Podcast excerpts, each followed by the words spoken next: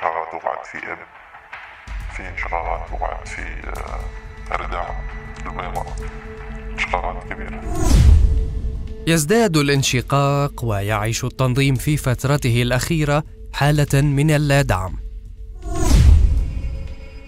فلا دعم لسردية استمرارية وجوده ولا دعم له من القبائل ولا دعم حتى من قيادة التنظيم للتنظيم نفسه. وفوق هذا وذاك أسماء أعضائه على قوائم الإرهاب العالمي ولم يعد كل ذلك يثير حماسة الشباب اليوم. وخاصة وأن أهداف التنظيم باتت غير واضحة وهي التي أفضت بدورها إلى انشقاق العديد من المقاتلين عنه حيث كان لكل منهم تجربته الخاصة. وهذا ما كشفه لنا أحد الناجين المنشقين في حوار سابق أجريناه معه. يعني أفراد في القتل زيادة في الاستشهاديين كل يوم كنت أسمع خبر تفجير مفخخ واعترفت امام الكاميرا وسلمت أمري لله. وهي أن هؤلاء القادة الذين يتحكمون بالتنظيم هم أشخاص ظالمون يأمرون بقتل أشخاص مسلمين مثلهم. وبسبب هذا الاكتشاف قرر العودة إلى زوجته وأطفاله.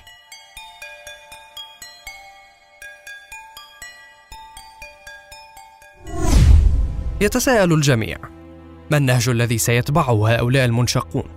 هل سيسلكون طريقا مختلفا؟ وما هو مصير هذا التنظيم المتشابك؟ هل سيشهد العالم انشقاقا كبيرا آخر؟ وهل سيتفكك تنظيم القاعدة باليمن إثر هذه الأحداث؟ أهلا بكم في بريفينج بودكاست سنستعرض سويا ملخصا سريعا لسلسلة وثائقي عصر الانشقاق.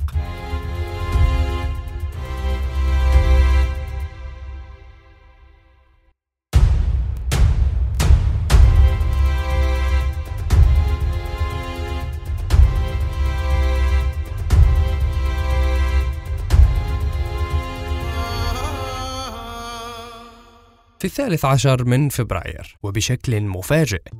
ينشر القيادي سعد العولقي متاهبا لاستعادة موقعه المركزي في التنظيم وكمحاولة منه مجاملا. رئيسه باطرفي لاستعاده نفوذه المتلاشي داخل التنظيم. فيديو يدعو فيه قبائل الجنوب لدعم التنظيم والحشد له. ويؤكد للجميع أن قيادة القاعدة لا تستطيع انتهاج أي سياسات عسكرية جديدة دون قادتها. لكن الملحوظ الأهم هي إشارته إلى إيران وضرورة هزيمتها في الوقت الذي يتهم فيه باطرفي بمساندة طهران بتوجيهات من سيف العدل.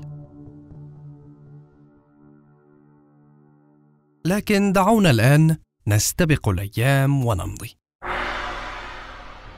في محاولة للإجابة على ذلك التساؤل، التساؤل عن من سيشغل منصب الزعيم الجديد لتنظيم القاعدة وهو اللغز الذي لم يعد يتبادل حله أعضاء التنظيم وحسب بل صار هذا التساؤل مثارا ويشغل حيزا من المتابعة العالمية أيضا.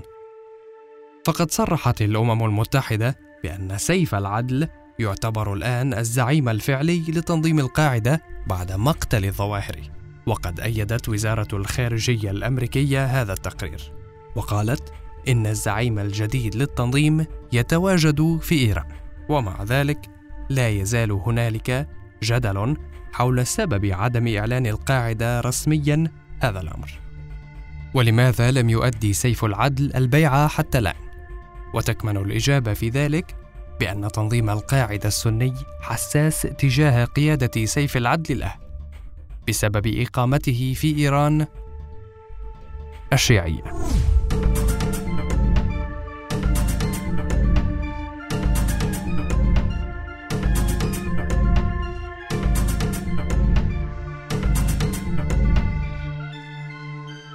ولذلك بالإمكان القول أن القاعدة تعيش أياما حاسمة في تاريخها فالتوتر والصراع يصل إلى ذروته بعد محاولة سيف العدل الاستيلاء على قيادة التنظيم.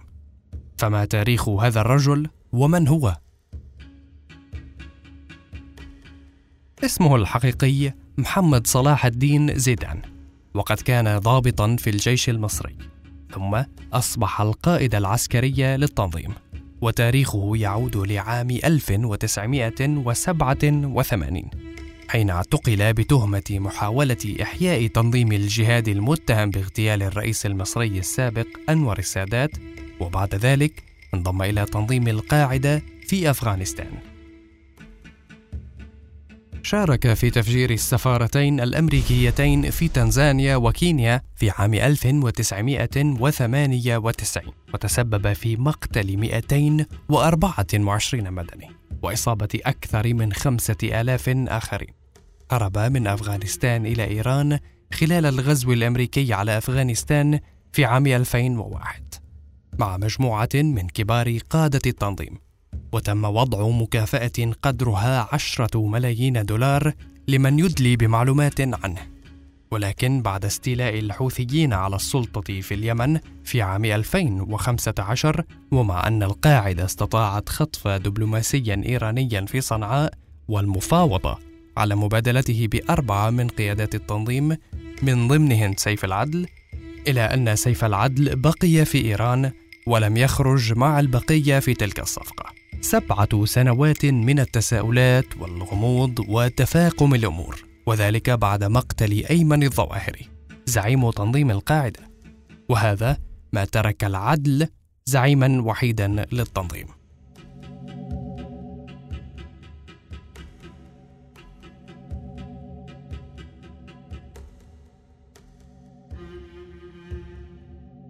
ومنذ ذلك الحين ينتظر أتباع التنظيم حول العالم خروج زعيمهم من الظل تماما كما ينتظر الشيعة ظهور إمامهم المختفي.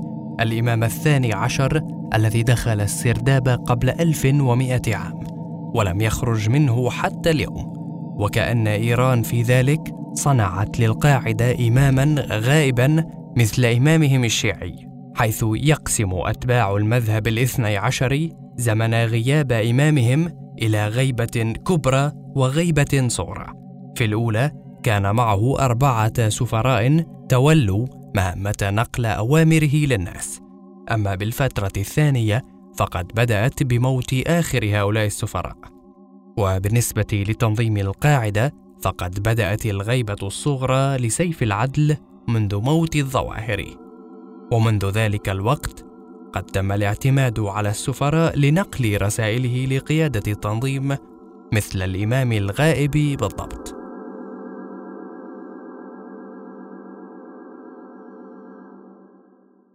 وبالنسبة للسفير فقد تم الكشف مؤخرا عن هوية سفير سيف العدل إلى اليمن وهو ابنه المكنى باسم ابن المدني الذي زاد نفوذه وتجاوزت مهامه مجرد إرسال رسائل من وإلى إيران وبالرغم من عدم وثوق الكثيرين به من أعضاء التنظيم إلى أن الكثير منهم في المقابل تقربوا منه وذلك بعد أن أصبح ابن قائد التنظيم الدولي.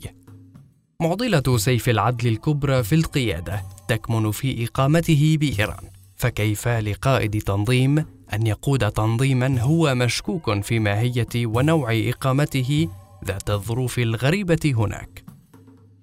وهذا أيضا ما يمنعه من القيادة شرعا، فقد أكد فقهاء أهل السنة أن من لا ولاية على نفسه لا يمكن إسناد الإمارة إليه وبهذا يظهر سيف العدل بأنه ليس إلا أداة بيد إيران ولمشروعها بالمنطقة وذلك لأنها تخطط لتكون المركز الإسلامي الرئيسي حيث تهدف نظرية إيران المسماة بأم القرى أن تجعل قم هي المدينة المقدسة وحامية الإسلام.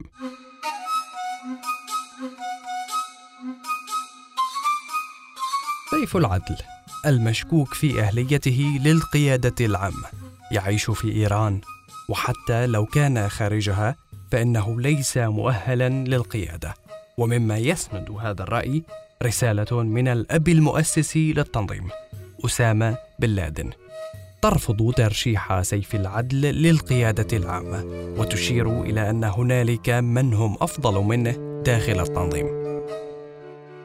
الأمور في تنظيم القاعدة ليست مستقرة فقد انشق عن تنظيم القاعدة فرعين منها حتى الآن. فالفرع العراقي قد تحول لداعش. أما بالنسبة للفرع السوري فقد تحول إلى هيئة تحرير الشام. الهيئة التي كانت تسمى تحرير الشام تغيرت وأصبحت جهادية محلية في سوريا.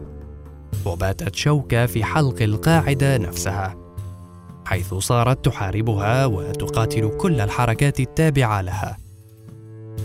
وكذلك يتوقع أن يحدث انقلاب في الفرع اليمني حيث يروج البعض أن سعد العولقي سوف يتولى القيادة. وتوقع البعض الآخر حدوث توتر وصراعات داخلية بسبب هذه القضية. فالقاعدة باليمن تواجه انقساما كبيرا بين الشخصيات والأولويات حيث يولي خالد باطرفي الزعيم الحالي مصلحة التنظيم الدولي الأولوية بينما يركز العولقي على الالتزامات القبلية وهذا مما يجعلهم في تناقض كبير. ويبدو أن تحولات التنظيم في المناصب القيادية ستكون السبب في تغيرات كبيرة ستكون مؤثرة على فروعها.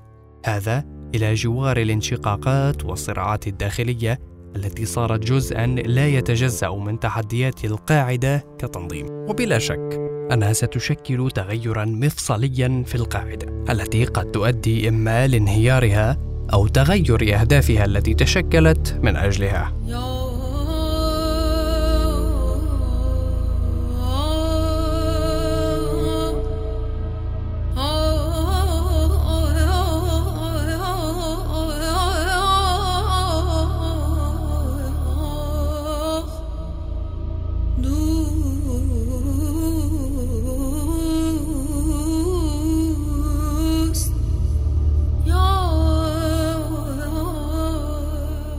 شكرا لاستماعكم لبريفينج بودكاست الملخص لوثائقي عصر الانشقاق.